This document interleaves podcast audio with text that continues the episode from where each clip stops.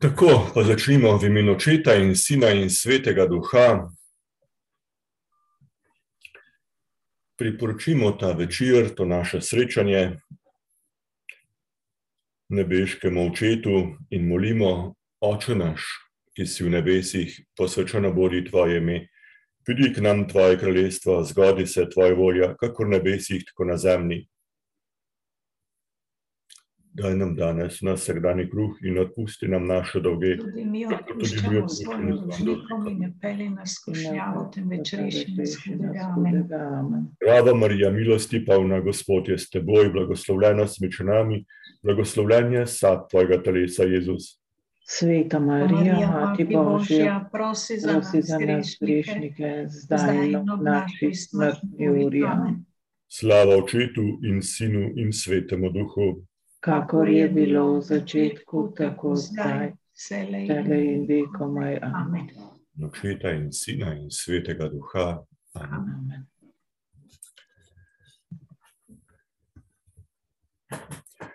Ja, tako tudi z mojim imenom, lep dober večer vsem, sem vesel, da se srečamo. Ignacijo leto seveda vedno ponuja dobro priložnost, da spoznamo malo več, kaj vse je, kot smo rekli včasih, Bog dal cerkvi po svetem Ignaciju, eno od stvari je gotovo tudi ta mreža jezuitskih šol in seveda mnoge stvari, ki so s tem povezane. V tej uri, kaj lahko človek predstavi, sem izbral nekaj takšnih detaljev, mogoče zanimivih ali tudi že vse to veste, kdo ve. Kdo od vas dela v šoli? Mi lahko kdo pove, koliko vas je šolnikov? Je kakšen glas? Jaz sem bila šolnica. No, ena že, še kdo? Ja, Karmen tudi. Tudi.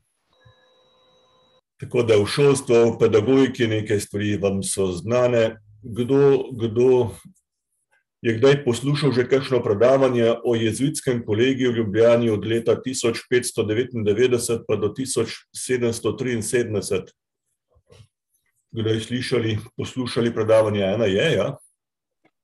Jaz nisem poslušala predavanje, jaz sem brala tole knjigo o tem, kar je bil simpozij na temo jezuiti v Ljubljani.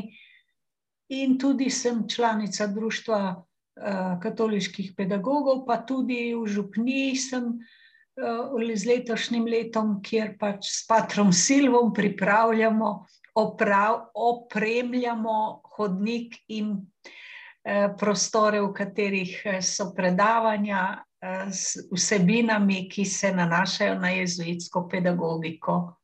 Tako. No, tako to je že malo našega, delček našega predavanja lahko. Hvala. Eh, Zdaj bi jaz šel kar na to, kar je share screen. Tole bi jaz dal gor. Upam, da se zdaj vidi. Jezuitska pedagogika danes je prav, a ne, se vidi. Ja, se vidi, ja. Pred leti, eh, to, kar je Dragica omenjala, sem imel predavanje v dva simpozija, sta bila v preteklosti namenjena jezickemu kolegiju. eh, In sta dva velika, predvsem velika zbornika tem posvečena, jaz v enem od njih sem tudi imam svoj prispevek, nekaj sem šel tja iskat, nekaj pa seveda še kam drugam. Za tiste, ki ne veste, mogoče seveda, ker gremo k Ignaciju, torej smo tam v šestnajstem stoletju, Ignacij umre tisoč petsto šestinpetdeset, a ne, se jaz to prav spomnim. Polanko je bil zvesti sodelavec svetega Ignacija in je napisal tisoč petsto enainpetdeset. Tisoč petsto enainpetdeset, prav pet let pred Ignacijevo smrtjo. Zamisel je ugajala Ignaciju, ki je bil vedno zelo naklonjen ideji o izobraževanju in vzgoji mladine v duhovnih stvareh. Najbrž ste o Ignaciju že veliko slišali, kako je nastala družba Jezusova, kako so prišli v Rim, kako se je, eh, je Ignacij začel pošiljati naše tiste prve patre na vse konce in kraje. In, in v začetku prvih deset let pravzaprav ni bilo šolstvo prav nič eh, v spredju, daleč od tega. So pa že od samega začetka eh, jezuiti bili vabljeni na razne predavatelje na raznih teoloških fakultetah. Sveda vprašanje je bilo vedno vprašanje eh, vzgoja bogoslovcev v cerkvi in kot dobri teologi so bili povabljeni, da bi bili profesori tukaj in tam. Sveda pa zelo hitro naraščajoča družba. Če imamo v mislih, da tam leta 40, 1540 je deset jezuitov, ko pa Ignacij umre, če se je spravo spomnim, je pa že tisoč, od deset na tisoč je to velik porast. Kako zdaj teh takšno množico mladih fantov pripraviti na duhovništvo? Eh, s tem, da mnoge šole, kamor so hodili s njimi Ignacij in ti naši prvi tovariši niso bili zadovoljni, to je bila velika skrb, kako pripraviti sploh vzgojo, če bi rekli, svojega kadra. Hkrati pa tista velika skrb Ignacija bila vedno, kako pomagati dušam, kar pomeni, kako pomagati rešiti dušo. To je bilo Eh, vse življenje na zemlji, zato da človek pride v nebesa. In če ta cilj zgreši, zgreši pravzaprav vse romanje na zemlji.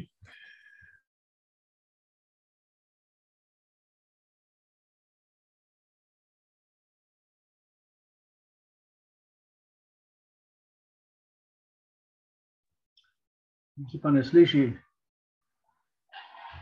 nekaj se je zataknilo. Celo nekaj, nekaj se je zataknilo kaj lahko naredimo. Eh, eh, tam, ko si rekel, eh, če to zgreši, zgreši vse, tam se je malo zateknilo, nisem več slišalo. Jaz nisem nič naredil. Zdaj je v redu, zdaj je v redu. Se sliši spet. Fino, hvala Bogu. Ja, motnje. Če zgrešimo tisti temeljni cilj v nebesih, smo zgrešili vse, seveda. Zato, kako pomagati rešiti dušo, je bila Ignacijeva, to je tistih duhovnih vajah v prvih točkah, je, kaj je smisel in cilj življenja. Ko je bil Ignacij še v Rimu, je videl tam veliko teh otrok, ki so postavili cele dneve po teh.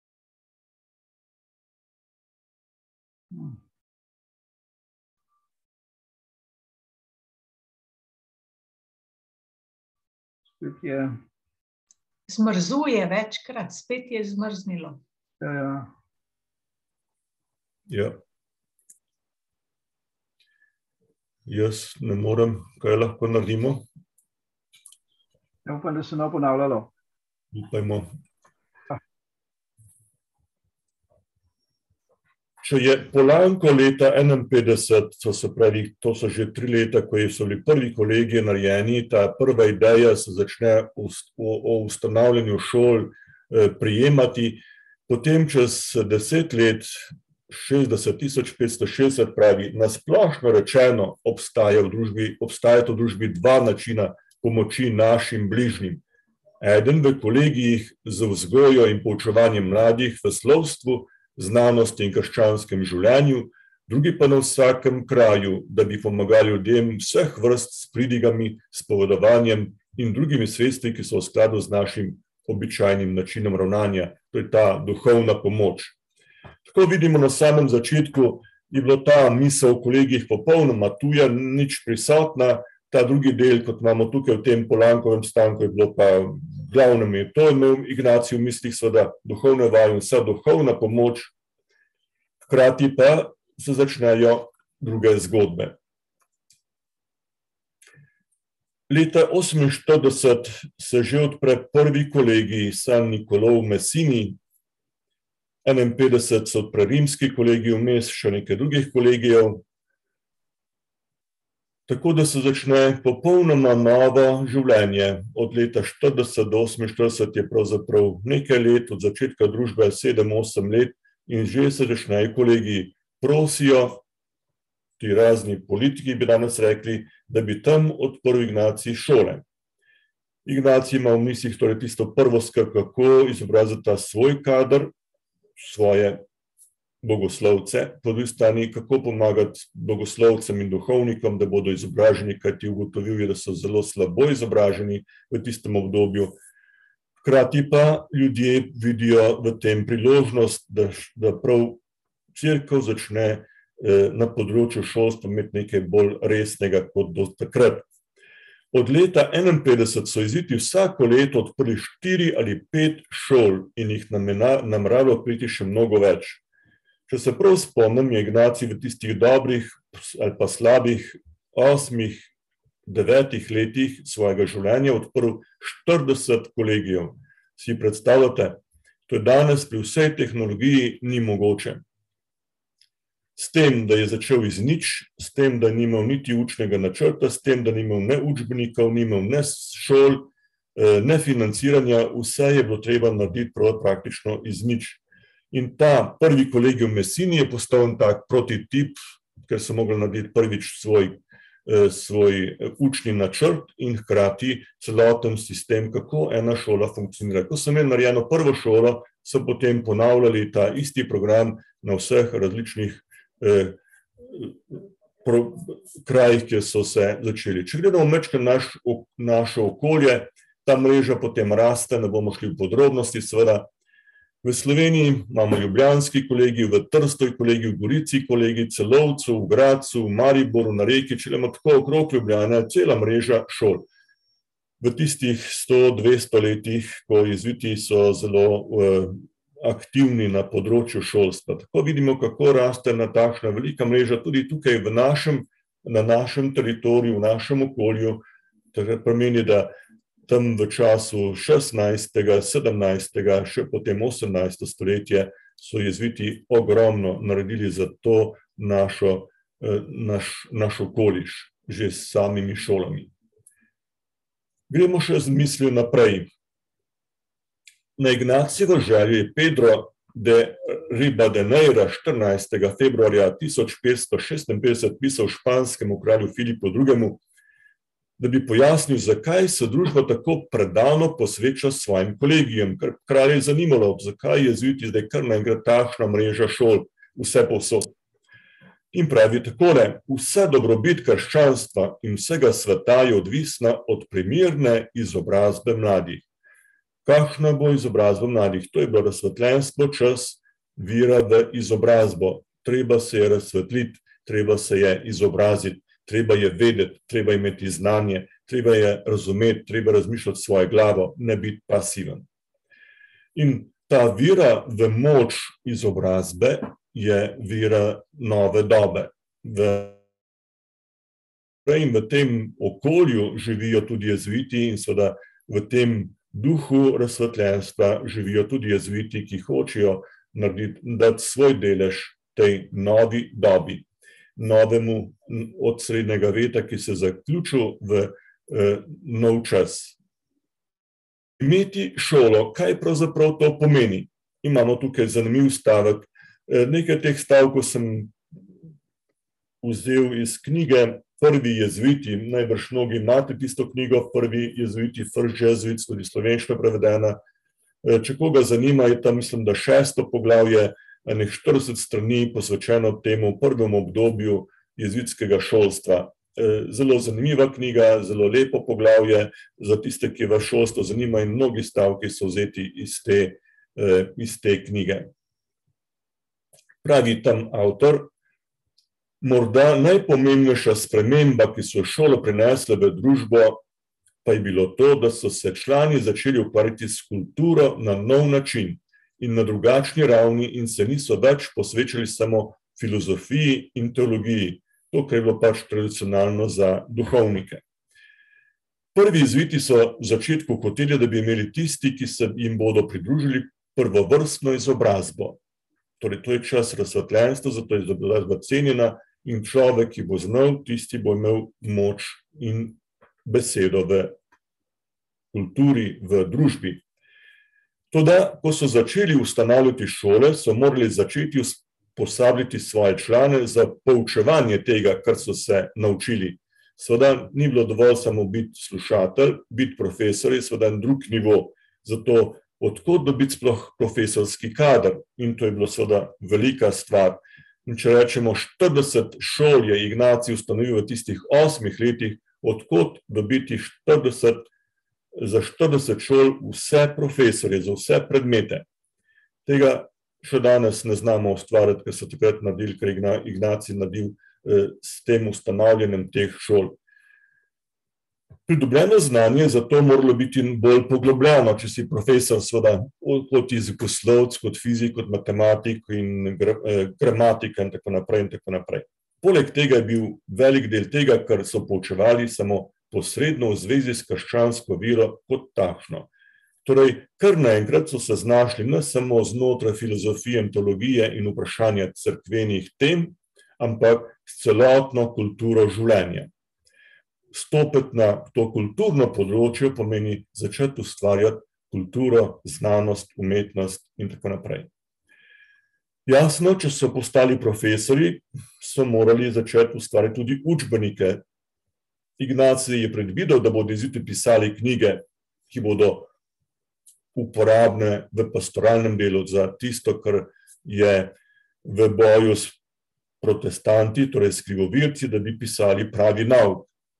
Seveda pa, to je bilo ta, to versko vprašanje. Ko pa so postali profesorji raznih predmetov, so kar naenkrat ti naši sobratje morali ustvariti učbenike za gramatiko, za retoriko, za latinske klasične jezike, latinščino in grščino in vse druge predmete, ki so jih takrat poučevali.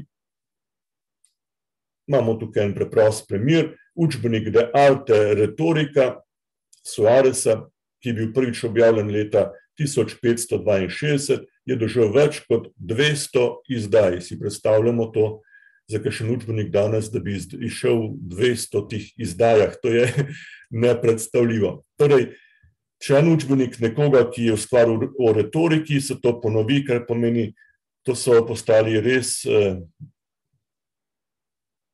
učbeniki z znanjem, ki so ga v teh učbenikih nabrali, tisti, ki so takrat ustvarjali kulturo v veliki meri, to je bil humus, tudi če gledamo za nas slovenski prostor. Torej majčkeno bolj podrobno ta mreža šol od tisoč petsto oseminštirideset, smo rekli, prva šola v Mesini, pa potem do, do ukinitve družbe Jezusove tisoč sedemsto triinsedemdeset, kar pomeni, koliko let je to, dvesto sedemdeset, dvesto devetdeset let skoraj, ne, če jaz to prav računam.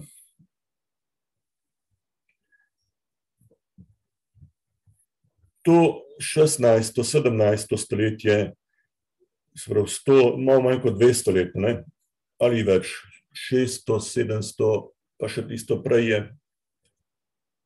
ja, čez dvesto let. Trajajoče obdobje teh, teh, te mreže, osemsto različnih šol po celem svetu, pravzaprav največ v latinskoameriškem področju, tudi v Evropi ogromno, osemsto vzgojno-izobraževalnih ustanov. Družba Jezusa je bila prvi red, ki se je sistematično lotil organiziranja popolnih šol kot svoje primarne in samostojne dejavnosti. Prej so bile samostanske šole, ampak to seveda je bila ena šola na enem mestu, v enem, ob enem samostanu v različnih obdobjih zgodovine Evrope. To pa, jezuiti pa so naredili res to veliko, neprecenljivo, neprimerljivo do takrat mrežo šol. Danes poznamo seveda več takšnih mrež, tako salezijansko mrežo po celem svetu in tako mnoge druge, ki imajo, ki so šolski redovi, moški in ženski in in so imeli v zgodovini ali imajo še vedno veliko, veliko šol. Te prva, ta prva mreža torej je nastajala tam torej šestnajsto, sedemnajsto stoletje. Namenjene so bile za vse laike ali klerike, kar je tudi bila novost, ne samo za bogoslovce, ampak za vse, tudi tiste, ki ne bodo šli v bogoslovju, kar je pomenilo seveda takrat veliko novost. Prelom s prejšnjimi oblikami razmerja med cerkvijo in izobraževalnimi ustanovami. Cerkev je imela izobraževalne ustanove za svoje potrebe, svojega kadra. Sedaj pa ima cerkev vzgojne ustanove za potrebe družbe, za tiste tam zunaj, bi lahko rekli, izven cerkve. In ko imamo primere tudi že takrat v tej prvi družbi, so v te naše jezuitske šole hodili ne samo katoličani, v mnogih državah tudi potem čez čas protestantje, potem tudi muslimani. Ko sem sam hodil na srečanja jezitskih teh delegatov jezitskega šolstva pred teh zadnjih 30 letih, sem poslušal recimo našega sobrata iz Kajra, kako njihova šola, jezitska šola v Kajru ima, je imela takrat 70 odstotkov muslimanov, danes. Torej, stopiš v en prostor civilne družbe, kjer seveda srečuješ razno razne ljudi, ki pridejo na, po izobrazbo in seveda po vzgojo. Da je ta misel ni nekaj novega, ampak da je to bilo samo po sebi umevno že tam na začetku, v tej prvi družbi je bilo to zelo odprto. Torej, vidimo tukaj, kako družba v crkvo prinaša popolnoma novo mentaliteto. V dveh stoletjih torej, je ta mreža bila več kot 800 vzgojnih izobraževalnih ustanov. Ko je papež Pi sedmi leta 1814, torej po Napoleonu, obnovil jezuite, so spet prevzeli to nalogo. Šolstvo se je ponovno začelo, potem tudi mnogo univerz, tako kot vemo danes, mnoge, tako v Ameriki, tudi v Indiji, tako na, v Španiji imamo in še druge, seveda, univerze, ki jih imajo danes, ne samo srednje šole, danes imamo tudi vrtce, osnovne šole, srednje šole, univerze na mnogih krajih po vsej, po vsem svetu. Ponekod veliko, ponekod malo, odvisno seveda od konteksta življenja.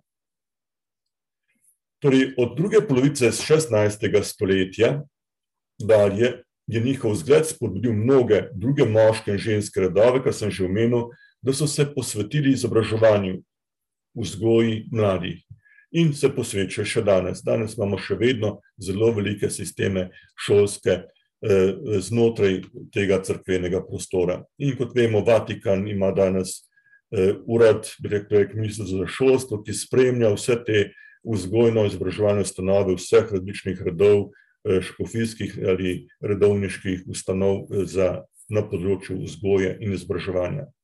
Dve, koliko par let nazaj je bil tukaj tudi prefekt te kongregacije, smo se z njim srečali na tiskovni konferenci v, na družini, je bilo takšno prisrčno srečanje.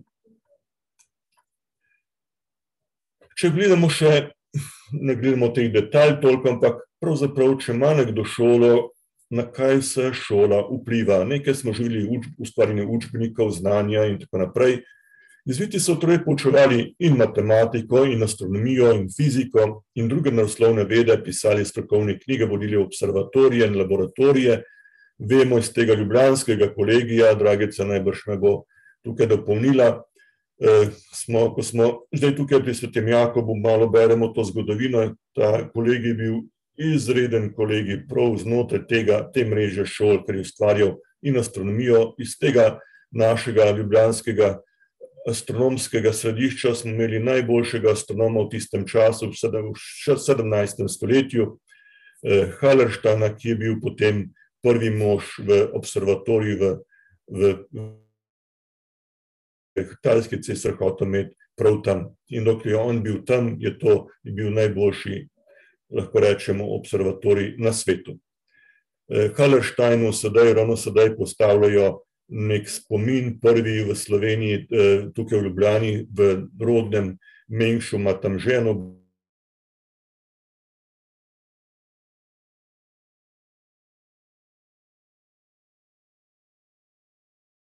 Ima že eno spominsko ploščo. Sem bil zraven, ko smo jo odkrili. Zraven pri tistem Mengšu, a ne? Ja. Ker so bili tudi Kitajci pobudniki, zdaj pa so tukaj pobudniki tudi v Ljubljani. Spet nagaja povezava, meni piše. Ampak jaz govorim naprej, upam, da boste kaj slišali.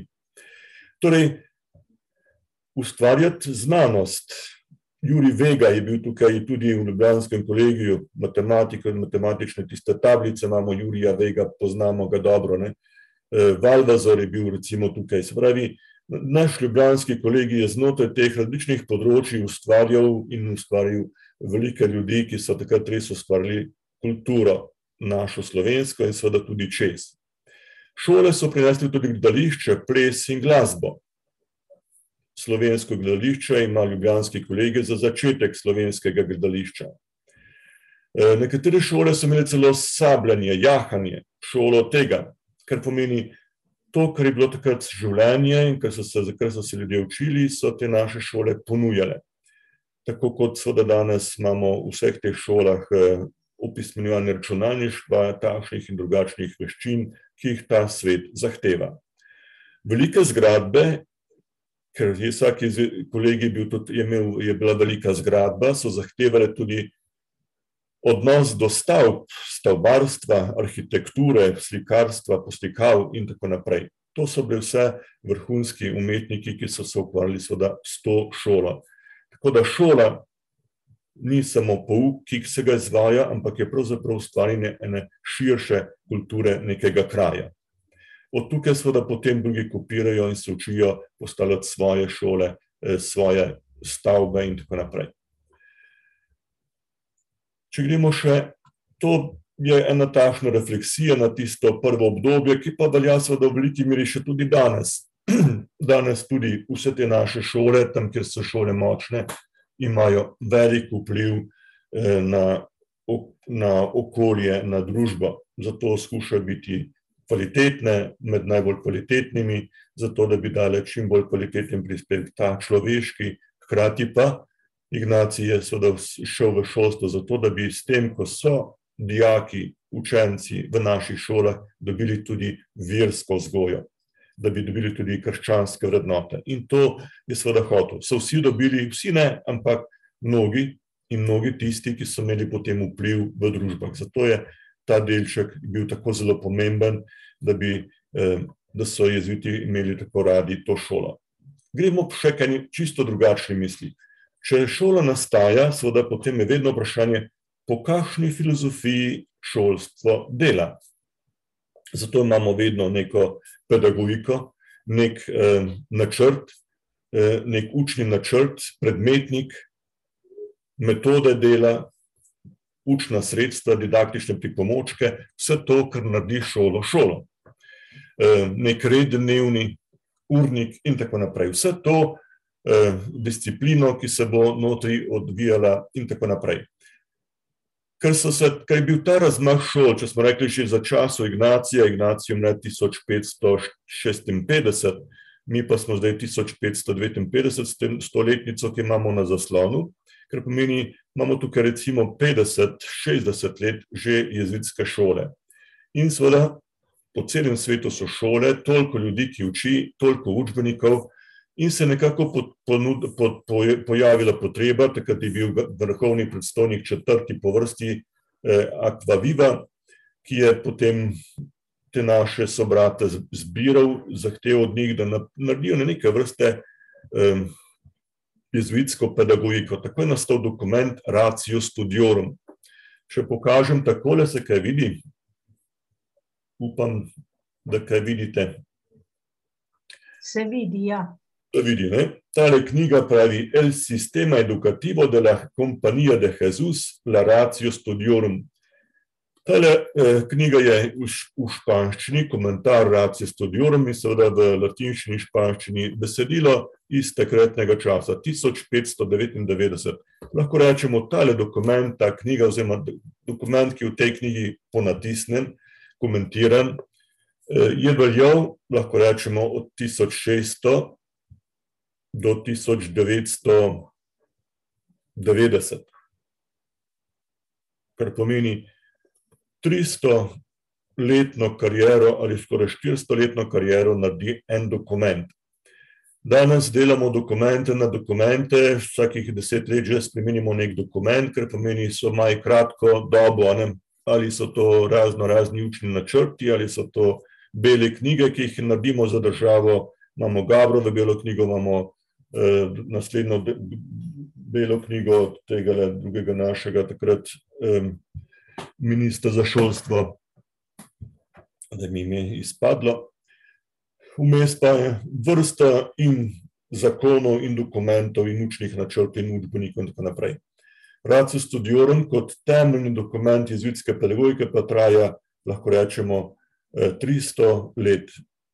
nespremenjen, kar pomeni, da je bil tako dobro napisan, da so ga lahko sadržali, seveda z mnogimi majhnimi popravkami, takšnim drugačnim, ampak temeljna struktura v tem dokumentu ostaja. Tukaj znotraj v tem dokumentu se mu vse malo posvetimo, pa najdemo zelo zanimive stvari. Služil jezuitom od provincijala, kaj, je odvis, kaj mora provincijal vedeti o kolegijih, da bo prav ravnal in kaj mora vrtar, ki sprejme, sprejema učence vsak dan, kako naj se obnaša in vede, da bo smiselni del tega velikega sistema, ki se mu reče kolegij. In seveda vsi znotraj tako eh, profesori, kakor vsi tisti, ki so bili udeleženi. Racija niso pisali pedagogi, bi lahko rekli neki doktori pedagogi, pedagoške znanosti, tako je takrat še nismo imeli, ampak praktiki, tisti, ki so poučevali eh, že desetletja in desetletja in so videli, kaj je eh, bilo v veljavi. Nekaj značilnosti iz tega racija. Pred leti, ko smo imeli ta posvet, ko sem prej menil, ki je bil posvet v jezijskem kolegiju, sem to zbral nekaj takšnih zanimivih značilnosti. Tisti, ki ste v šolah, eh, se vam bo mogoče zdelo zanimivo. Kaj je cilj šole, jezuitska, seveda, pridobivanje znanja in vzgoje kreposti. Ko z društvom Gatoš pedagogov skušamo biti del slovenske šole, smo rekli, kaj je tisto, kar bi radi. Rečemo, ja, vsa naša slovenska šola podarja znanje, znanja, mi bi radi tudi vzgojo. Delamo kaj novega, kot si naši sobratje pred 500 leti, delamo popolnoma isto. Sveda, skušamo nekaj, ali smo uspešni ali ne, vsaj cilj si postavljamo, radi bi ta, vzgojno komponento okrepili. Učenci so spriti samo na prošnjo staršev. Prav starši, soglasje staršev, danes je isto če nimamo soglasja staršev, ne moremo nič. Ne? Določen je predmetnik, kurikulum. Danes imamo predmetnik, takrat je bil natančno določen, imamo ta predmetnik. Če gremo gledati, so temeljni predmeti isti kot 400-500 let nazaj, seveda imamo danes neke nove predmete, ampak tisto jedro šolskega programa se pa skoraj ni spremenil že od Grkov. Kaj je tudi zanimivo, ker rečemo spremembe, spremembe, spremembe, ampak temeljno jedro znanje je pravzaprav zelo stabilno. Ker ti človek je človek s temeljnimi znanji, ki jih vse čas ponavljamo. Gramatika, matematika, naravoslovje, seveda se spremenja v zelo, pa vendar temeljno vprašanje si izmere postavljamo podobno. Uvedba hierarhije poučevanja od lažjega k težjemu, načelo postopnosti, danes isto veljavi, vključuje vaje za učenje, že učence, aktivni pristop poučevanja, vaje za učence, ne samo ex-katedra predavanja. Če danes še poslušam nekateri didakti reči, ja, včasih so samo predavali iz ex-katedra. Ne drži. 500 let nazaj jezviti so imeli že vaje, tako kot jih imamo danes. V tem smislu nismo izumili popolnoma nič novega. Ja, kakšne nove vaje tukaj in tam drži, ampak temni princip, da mora biti učenec aktiven v svojem procesu učenja, je bil že takrat v veljavi. Uveden je bil dnevni red, torej sistemsko delo, uvedeni so bili zaključni izpiti, kaj novega imamo danes, imamo maturo, imamo zaključne izpite. Za naslednje letnike, te je bilo na, na nekaj narediti, torej dokazati znanje. Nič posebej novega nismo tukaj naredili, mogoče smo kakšno stvar malo drugače, kako ocenjujemo in tako naprej. Zaključni izpit je bil v septembru, da so se učenci lahko učili čez poletje, no to pa je sprememba imamo izpit pred poletjem, da imamo potem proste počitnice, razen tisti, ki je dajemo čez celo leto, ima potem poleti popravne izpite. Ampak pogovarjamo se pravzaprav tako zelo podobnih temah. Izpit je bil pisni in ustni del. Kaj novega danes? Smo kaj novega v pedagogiki pogruntali, imamo pisni in ustni del, že takrat 300, toliko let nazaj. Kar je zelo zanimivo. No, lestvica ocenjevanja pa se je spremenila. Ocene so od ena, ki je najvišja, do šest, ki je zadost, nezadostna. To imajo še vedno v Nemčiji, če se spomnimo. Ja, imajo in v Nemčiji, in Avstriji, in drugot imajo to ocene točno tako, kot je tle. Vemo, odkot to je. Ne? Je kaj ja. novega? Mi smo postali letvico od pet nazaj, pa smo rekli, to je nekaj novega. Ampak sistem je isti, ne? graduacija od ena do 5 od 1 do 6 ali pa od 1 do 10 na univerzah. Recimo, to so nekatere takšne značilnosti racijo studiorum. Poglejmo še kakšno stvar, ker so tudi zanimive. Vzgoja je avtoritarna, ker je jezvit, ker je jezviti prevzemajo od svojih pariških vzgojiteljev. Avtoritarna, kaj vi za to pomeni, ker meni ima svojo avtoriteto, je gospod v svojem razredu, kar reče, pomeni, da ima besedo. Kaznovanje. Kako so kaznovali? Kazen je bila, ampak če tam beremo nekatere stvari, je zelo zanimivo. Najprej naj vzgojitelj prepriča učenca, se pravi, se pogovori. Prvo je pogovor, pogovor, pogovor. Že takrat nič ni nekaj novega. Danes spet rečemo pogovor, pogovor. Potem porečemo, če to ne gre, lahko uporabimo kazen. Imamo danes neke postopke v šolah, če je potrebno, tudi telesna kazen. Je bila dopuščena, ni pa bilo to, kar samo po sebi kot prva stvar in edina stvar. Daleč od tega. Če dobro beremo stare dokumente in tudi stvar v prakso. Saj so imeli ti takratni profesori te učence ravno tako radi, kot jih imamo danes otroke. Seveda pa ta odnos do telesne kazni bil takrat gotovo drugačen kot danes. Določa vloge v šoli. Pravila za rektorja, za profesore, za provincijala, za učence. Da je vse določeno, da vse ima neka pravila. Danes imamo tudi razno razne protokole v šolah, z tega vidika seveda so mogoče malo drugačni, ampak isto radi bi regulirali to vedenje, da vemo, čigava so pooblastila in v kakšnem primeru. Odnos do vseh učencev naj bo enak. Kaj novega, da ni ta je od unega, ta je od tega, un je od bogataša, un je od kralja, mora biti bolj privilegiran. Do vseh naj bo enak odnos. Tukaj, 400 let nazaj, enaka praksa. Vzgojitelj naj ima, naj ne ima posebnih stikov z učenci izven delovnega časa, razen v nujnih primerih in pomembnih stvareh, da ne bi diskriminiral enih in privilegiral drugih. Zanimivo, ne? Službeno je službeno, privatno je privatno. In učitelj, ki ima služben odnos, seveda je v delovnem razmerju, ima do vseh enak odnos, zato ne diskriminira, da se posveča enim, še posebej potem kasneje popoldne zvečer in dodatno uči. Načela, ki so zanimive. Učenci aktivno sodelujejo pri organizaciji in upravljanju kolegija.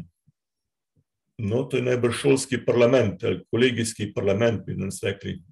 Neke vrste participacije, da se učijo iz prakse, kako upravljati, kar pomeni iz prakse, ne samo iz neke teorije o državi in potem bomo šli na volitve teoretično, ampak že rečemo, kako se prevzame odgovornost in skrbi za red, za to in za ono, dogovarja o načrtuje, pospravlja in tako naprej virska vzgoja. Kolegi so bili zato tudi, seveda, ne samo raziznanja, ampak zdaj vzgoje in seveda predvsem zaradi virske vzgoje, gotovo so to imeli kot posebno pomembno področje. Obvezne pobožnosti, to ni bil sam predmet, kjer je verug, ampak bolje tisto vsakdanja praksa, obisk svete Maše, spovedi obhajila, vse tisto, kar je poslušanje pri razlaga nauka, mesečne konference, nagovor, kar pomeni ta verska vzgoja, ki je delček celotnega programa.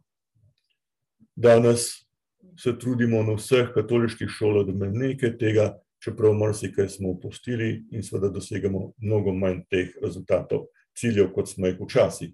Tudi zato, ker je to manj. In seveda, da, da bi pobožnost, da bi to verska vzgoja bila bolj močna, so v kolegijih ustanavljali marijine kongregacije. Mladi, ki so se prvo posvečali temu virskemu poglabljanju. Imamo še nadaljevanje, kaj se najdemo v tej knjigi Racijo Studiorum, ki sem jo prej pokazal, tako da se malo pozabavamo s preteklostjo, pa rečemo, je to res preteklost, je ta preteklost še vedno tako živa, kajti to so tiste večne resnice na pedagoškem področju. Racijo, torej ta dokument, določi vlogo tutorja, ki učenca spremlja in ocenjuje njegov napredek.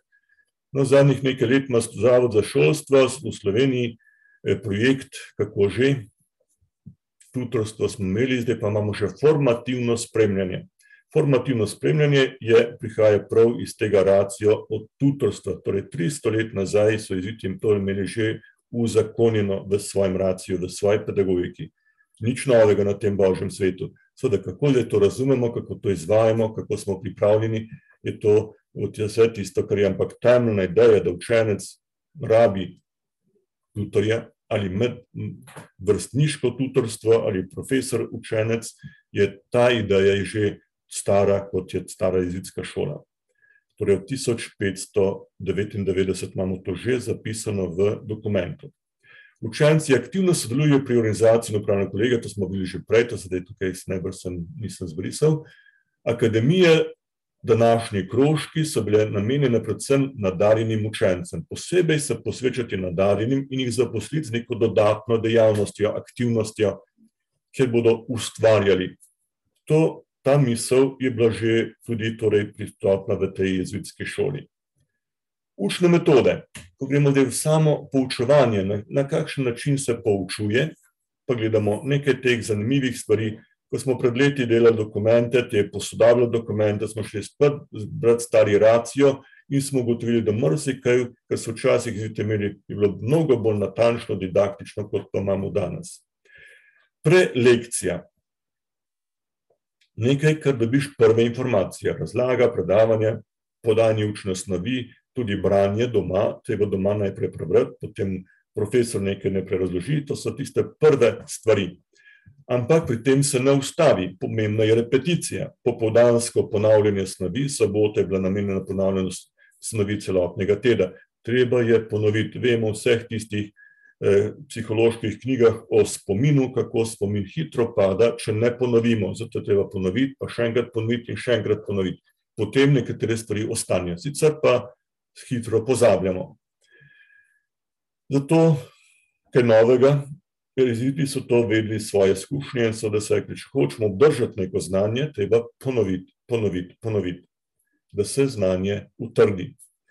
Kompozicija metoda, danes rečemo prosti spis, spisi aktivno, spet ta aktivno razmišljanje. Učenci so jih pisali po predelani snovi. Po vsaki snovi je bilo treba nekaj napisati. Danes imamo eseje in rečemo elaborat, to smo rekli včasih, ne vem kaj, že vse imen smo si izmislili, ampak ravno to, da človek predela in potem pa zapiše. To, da zapišem tisto, kar sem se naučil, je seveda popolnoma nov proces učenja, kot samo to, da sem poslušal. To, da se pogovarjam pri ponavljanju, je drug, drug nivo znanja, kot pa samo poslušanje. To, da pa kar se pogovarjam, ohranjam in se lahko diskutiram, imam znanje, ampak to, da znam tudi to zapisati v nek urejen sistem, to je seveda spet novo, nov nivo znanja. Tako vidimo tukaj te tri zelo zanimive eh, eh, nivoje in diskusije v paru, oblike kviza v razredu ali pred starši, eh, debate, ki so jih imeli, bilo pa zdaj to znanje uporabljati aktivno v debati, v soočanju, ne samo s profesorjem, ko ponavlja snovi, da zapišeš, ampak v aktivnem, aktivni način uporabljanja znanja. Danes imamo nekaj teh metod, recimo debatne krožke, kjer se učijo debatirati, stara metoda, ki so jeziki že uporabljali v svojih kolegijih že toliko let nazaj. Toliko nekaj teh, ne vem, če tukaj bi bilo zanimivo kaj ponoviti lahko, ampak eh, mogoče vam dam besedo čisto na koncu, da grem isto skozi. Racijo torej od 1599, če rečemo 1600 do 1900 86 velja ta dokument za vse jezitske šole po svetu. So da vmes so bili še mrzkešni dokumenti, ampak ta je bila bazični dokument, ki je veljal.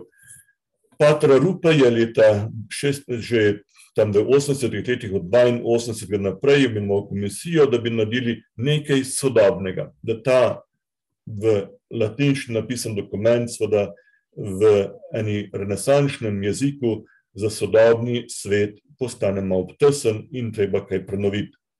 Takrat so napisali značilnosti jezikovne vzgoje, ena mednarodna komisija in nanizala več kot 20, mislim, da je bilo 27 ali 29 značilnosti jezikovne vzgoje. Hoteli so pa povezati duhovne vaje, temeljno ignacijansko duhovnost s tem, kar je ignacijanska pedagogika.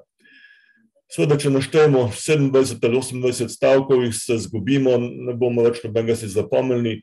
Jaz sem jih skušal porazdeliti na štiri področja, kot so skoraj vsi naši jezikovni dokumenti za našo interno formacijo imeli, kaj delamo za znanje, kaj za osebnostno rast, kaj za skupnost, kaj pa za poslanstvo.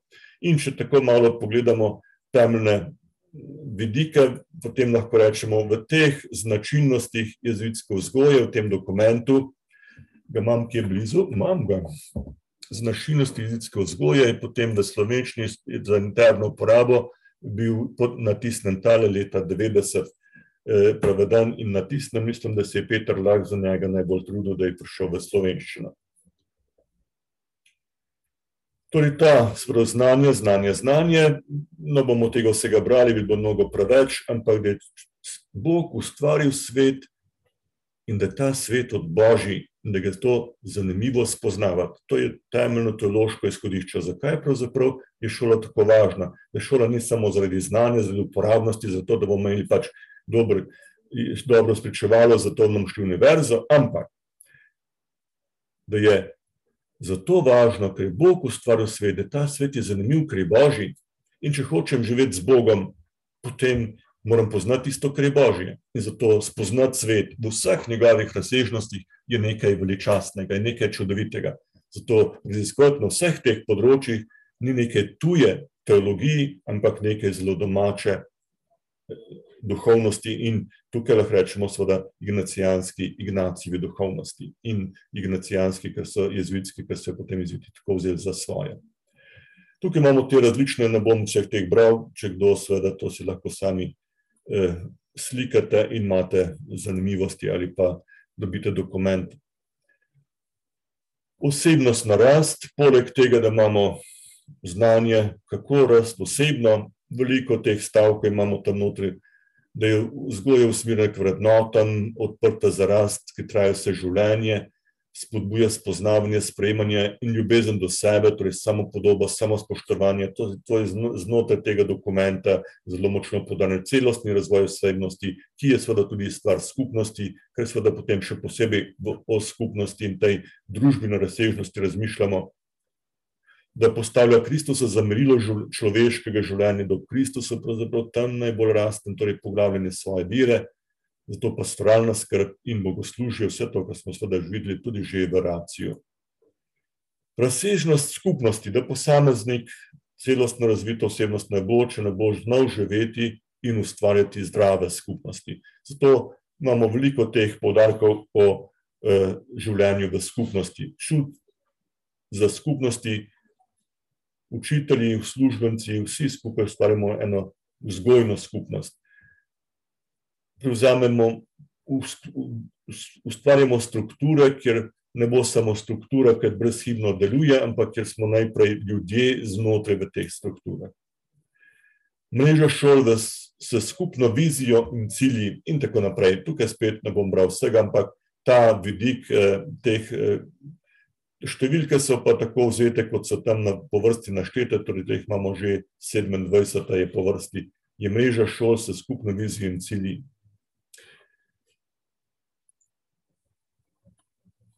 Če je osebna rast, je tudi skupnost in še poslanstvo. Majčkeno vsaj te štiri naštejem. Omenjam jih, ker bi bilo podrobno, zdaj če šli še to brat, bi bilo mnogo preveč.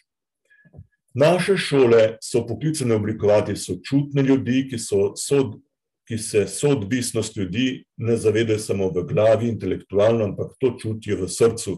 Je bil lep članek ene naše kolegice, ki je delala, mislim, da je v Braziliji ali pa v eni Latinski Ameriki, sem vzel en članek iz, iz, iz ene, iz enega takšne zbirke teh različnih člankov o jezikovni pedagogiki.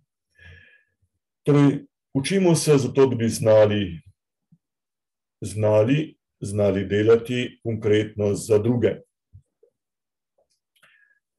Oblikuje ljudi za druge je ljudje, ljudje za druge je izraz, ki je Patra Rupa imel zelo rad. Kristjana obzorja so v 23. številki to objavili, ta Rupejev članek, v Društvu vedoč pedagogov smo ta ljudje za druge uporabili tudi izraz za projekt prostovoljnega dela, da bi človek oblikoval ta čut za druge in vedno tudi se nekaj posvečal drugim. Je ta biti usmerjen ne samo v profitno dejavnost, kaj vse bom zaslužil, ampak seveda delam svojo kariero, ampak jo načrtujem tudi tako, da bom delal za skupne stvari, za ljudi, ki so v stiski in potrebah. Če bo jezuitski gojenec, ki pride iz teh šol, imel ta čut, potem rečemo, smo dosegli svoje, svoj cilj.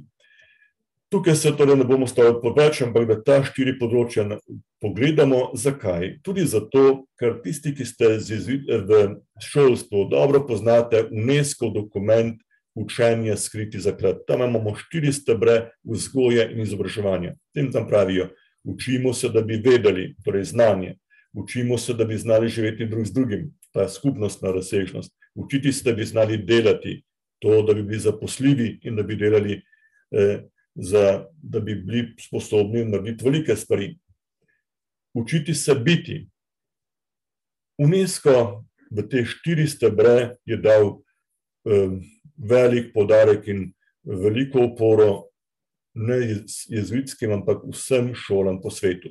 Nekatere slovenske šole so se zelo oprijele tega dokumenta, kajti zaradi pomanjkanja ene, ene vizije pedagoške v tem našem času osamosvojitve je ta Unescov dokument naredil odlično vlogo v šolah, da lahko, da smo lahko imeli, nekaj je padlo, da smo lahko imeli te štiri stebre vzgoje in izobraževanja in so bili nekako eno takšno lepo dopolnilo vsej naši šolski zakonodaji. In vidimo, po teh štirih so, tako kot so nekateri mnogi jezuitski dokumenti sodobno narejeni, so te štiri, so tudi Unesco ima te štiri razsežnosti. Najbrž ne slučajno, zato ker je Delors bil zelo vzgajan v jezuitskem duhu, tudi takratni generalni direktor Federico Mayor je bil v jezuitskem kolegiju na jezuitski univerzi in sta se seveda oba dobila. Eden glavnih protagonistov tega dokumenta, Učenje skriti zaklad, pa je bil Roberto Carneiro, portugalski človek, ki je dal velik značaj tej, temu Unescovemu dokumentu Učenje skriti zaklad. Sam sem ga srečal v Rimu na nekem predavanju, sva imela dolgo debato, delal sem intervju za vzgojo z njim tudi, in ko sem njega poslušal, sem rekel: "Ja, to je tak stari ignacijanec, ki je veliko o tem seveda se naučil in potem kot raziskovalec, kot predavatelj, tudi tisti, ki je delal na Unescu, tudi za projekt recimo šol po vojni v Bosni, zelo veliko vplival na svetovno pedagogiko preko Unescove, Unescovih teh dokumentov, predvsem tega dokumenta Učenje skriti zaklad. Tukaj je takšen majhen detajl, jaz v začetku niti nisem ga prepoznal, ko sem pa to predavanje takrat pred leti pripravljal, sem videl, tukaj je pa zelo zanimivo, kako so te štiri stebri povezujejo s temi štirimi, štirimi polji razsežnostmi, ki jih jezuitski dokumenti, nekateri sodobni uporabljajo. Značilnosti so imele svoje bogato poslanstvo, samo ker so naštete toliko značilnosti, so bile malo razdrobljene. Zato so potem v naslednjem obdobju, devetnajststo triindevetdeset, smo dobili nov dokument, Paradigma ignacijanske pedagogike oziroma Ignacijanska pedagogika pa prosto tole, kar je tukaj piše, Ignacijanska pedagogika devetnajststo triindevetdeset. Takrat sem bil študent psihologije v Rimu, ravno ko je bil ta dokument končan, na Villa Cavalleti je bil avtobus pedagogov z Društva katoliških pedagogov v Rimu in smo naredili v naš program, da smo šli na Villi Cavalleti in takrat na Villi Cavalleti in smo bili skupaj s temi, ki so bili ravno zaključni, zaključili so to prvo predstavitev tega dokumenta, smo bili mi tudi tam deležni tega, naredili intervju z enim, z enim od te ekipe, Oidzumijem, patrom, našim patrom, ki je bil zelo zagret za ta dokument in smo tako en tak lep majhen detajl, kako smo se takrat z njimi srečali in potem tudi marsikaj od tega uporabljali. Ta dokument ima seveda svoj značaj, ta večer ne gre za to, da bi se temu zelo natančno posvečali, ampak vsaj, da ga omenimo. kaj pa je bilo tam šlo, pa predvsem za to dinamiko, da je treba upoštevati vedno kontekst, v katerem se neko šolstvo dogaja, torej družbeni kontekst, čas, okolje, potem seveda izhajati iz izkušnje, priti k refleksiji, kaj je predava, predavanje znanja, pridobivno vse tistega znanja, da bi potem delovali, ampak ne samo delovali, ampak vedno tudi ovrednotili svoje delovanje. To je potem en tak zaciklen, za, za, ciklus ponavljajočih se stvari. Janez se najbrž bo dobro spomnil našega dobrega Lonergana, ki tukaj s svojimi petimi eh, experience, insight, judgment, decision and action najbrž je vplival tudi na tole dinamiko, ki so takrat ti naši možje jezuiti zapisali. Še en dokument omenjam, leta devetnajst, sredi že korone, malo še ni, korona še ni, glih pred korono se je tole pojavilo, Colegios, jezuitski kolegij, una tradición viva en el siglo ventuno, živa tradicija v enaindvajsetem stoletju, je nov dokument izšel, kajti pač to je čas, ko pišemo dokumente in dokumente in dokumente in nismo zadovoljni z nobenim gradivom, ustvariš nekaj novega. Naši bratje so bili pa zadovoljni tristo let z enim samim dokumentom in so se njega držali in potem imeli temeljne okvirje. Seveda rabimo vedno znova refleksijo, to je potrebno, pomembno, mogoče pa se včasih pri nas preveč ukvarjamo z dokumenti, ampak seveda to je motivacija, ke prihajajo novi, novi ljudje, da pridejo noter v to našo pedagoško misel in da ob nečem morajo oblikovati pa se z njo poistovetiti. Zaključujem s par takšnimi, zdaj rečemo, to je tradicija od začetka pa nekaj teh zadnjih dokumentov in vsaj majčkeno duha upam, da sem predstavil. Sam sem spremljal ta razvoj in bil del mnogih srečanj delegatov z jezuitsko vzgojo, tistih, ki imajo kolegije po Evropi, in sem se učil od naših patrov, kaj tam delajo, zakaj danes skrbijo, seveda za dokumente, pa ne samo za to, niso več skoraj profesorji, ker jih je mnogo premalo, profesorji so danes učitelji, laiki, ampak to, kar pa skrbijo, je dati neko formacijo učiteljem in seveda skrbijo za denar, da lahko financirajo vse te velike kolegije in vse tiste plače, vse, kar zraven sodi, da lahko en velik kolegij, kot je recimo v Logrognju, prijatelj Fernando de la Puente, ki sem ga tam obiskal pa mnogokrat srečal na teh srečanjih, je bil v Španiji en glavnih protagonistov, ki je poganjal vse to jezuitsko šolstvo v Španiji, tam so imeli dvainsedemdeset različnih izobraževalnih ustanov pred leti, ko sem bil bolj povezan z njimi. On je bil res tak motor. Z mnogimi inspiracijami. Kaj je, zakaj si najbolj trudil, kako dati formacijo in duha kolegijev, ignacijanskega duha laikom, ki vstopajo kot profesionalci za matematiko, geografijo, zgodovino v naše kolegije. Ko sem poslušal te moje sobrate, sem rekel: "Ja, nimamo kolegija, ampak nekaj, kar lahko naredimo, je to formacija naših učiteljev, nekaj, kar lahko damo duhovne hrane."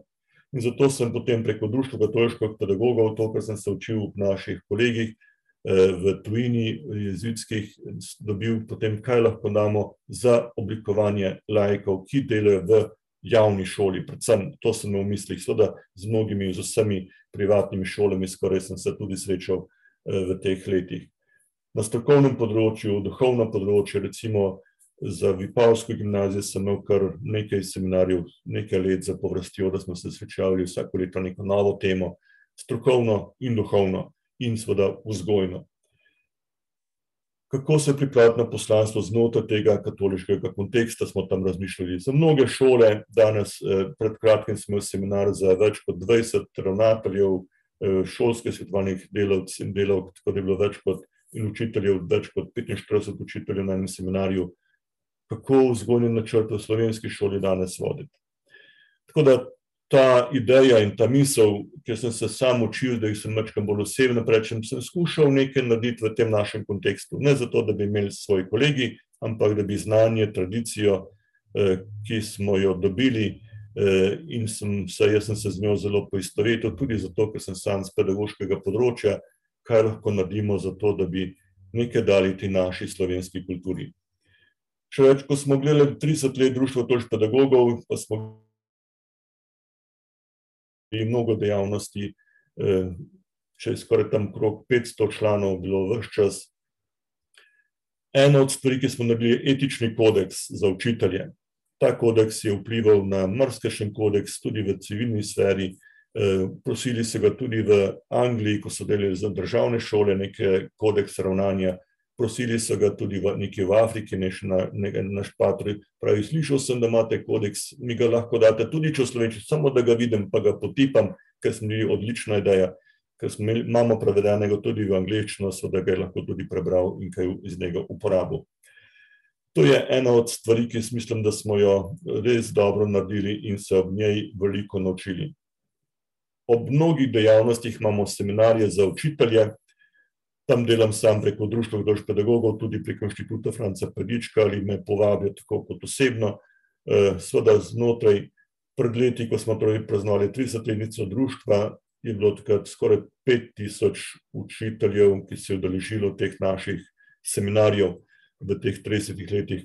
Tukaj pa niso šteti vsi tisti seminarji, ki smo jih recimo imeli za šolske zbornice in so seveda bili ne preko Društva Toš pedagogov, ampak čisto osebno so me povabili, kar lahko rečemo še verjetno ena podobna številka dodatna, kar pomeni, v teh letih smo neko sled pustili tudi v tej naši šoli.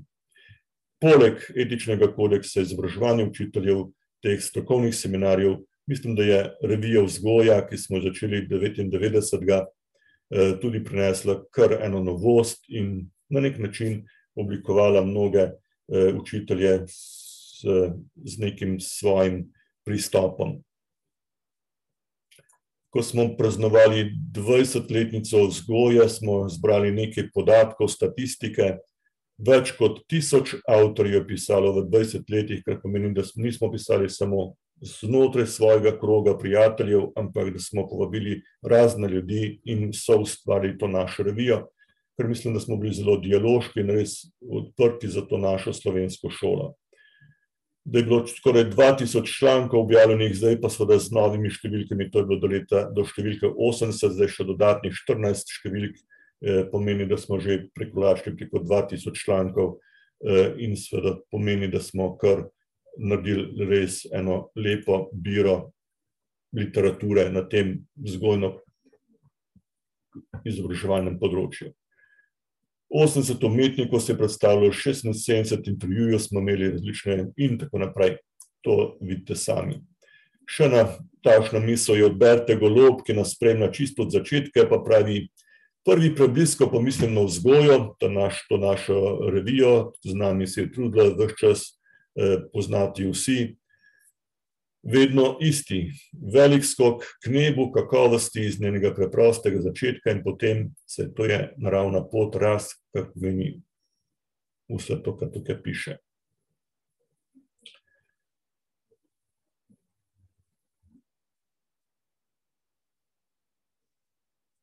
Pripeta na krila duha, mislim, da to sama si ne bi želela. Od Berte Golob, ki je bila moja profesorica na Pedagoški akademiji, sem veliko prejel, predvsem zaradi tudi potem kasneje, ko je bila že upokojena, pa smo se mnogokrat srečali, nekatera predavanja znotraj društva imela, in vedno pričevala: "To, kar smo si zapomnili, tisti, ki smo me poznali, pravi: ko sem, preden sem prejela za kljuko mojega razreda, sem vedno molila za svoje učence." To je bila njena pedagogika, molitev za svoje učence. mislim, da je to nekaj, kar je skrivnost Berte Golob, s tem, s to iskrivostjo, ki je še vedno, je bila tako v vseh teh letih prisotna v slovenskem prostoru. Bogdan Polajnar, nekateri ga poznate kot ustanovitelja, projekt Človek, in mnogih drugih stvari. Bogdan Polajnar je bil eden dežurnih predavateljev v slovenskih šolah, mislim, da je imel včasih celo po šeststo predavanj na leto, v vseh slovenskih šolah najbrž predaval. Predvsem se je ukvarjal z zasvojenostjo in zato se je tudi tudi v uredniškem odboru smo ga imeli nekaj časa, v svetu revije. Prva misel, ko v kupu dnevne pošte zagledam revijo vzgojo, končno nekaj uporabnega branja, pravi ta mož. Vsem, ki revijo sestavljajo prvi tisoč četrtem za ta lep uspeh. Tako se sem vesel tega njegovega prispevka in seveda skupnega veselja, da smo ustvarili nekaj za naš prostor. Mislim, da iz te zakladnice Racija studiorum, ki sem ga skušal predstaviti v prvem delu.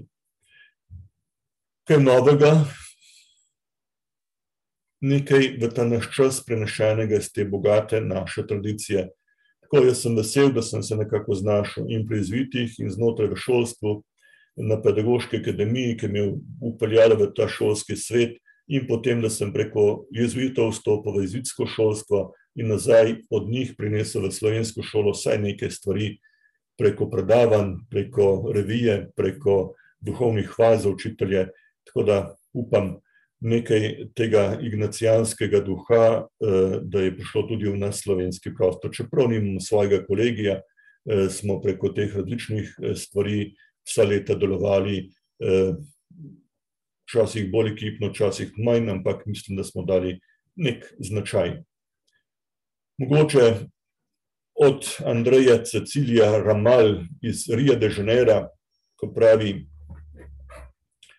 "Kaj delamo v jezuitskih šolah ali pa, če rekli, kaj bi radi v sodobni šoli, pa čeprav ni jezuitska. Teaching to think, moving to act." Učiti, da bi razmišljali, ne samo, da bi znali, ampak da bi razmišljali s svojo glavo. To, kar smo imeli že v stari ignacijanski pedagogiki v Ratio studiorum. Ja, ne samo ponavljati, zato ker učitelj pravi, tudi obnavljati, ponavljati, znati zapisati in znati v pogovoru, v dialogu razmišljati svojo glavo. Moving to act, ne samo veliko znanja, ampak da bi tudi nekaj naredili, spremenili družbo, da bi ta naš cilj vzgojno-izobraževanja bil zato, da ustvarimo drugačno in boljšo družbo.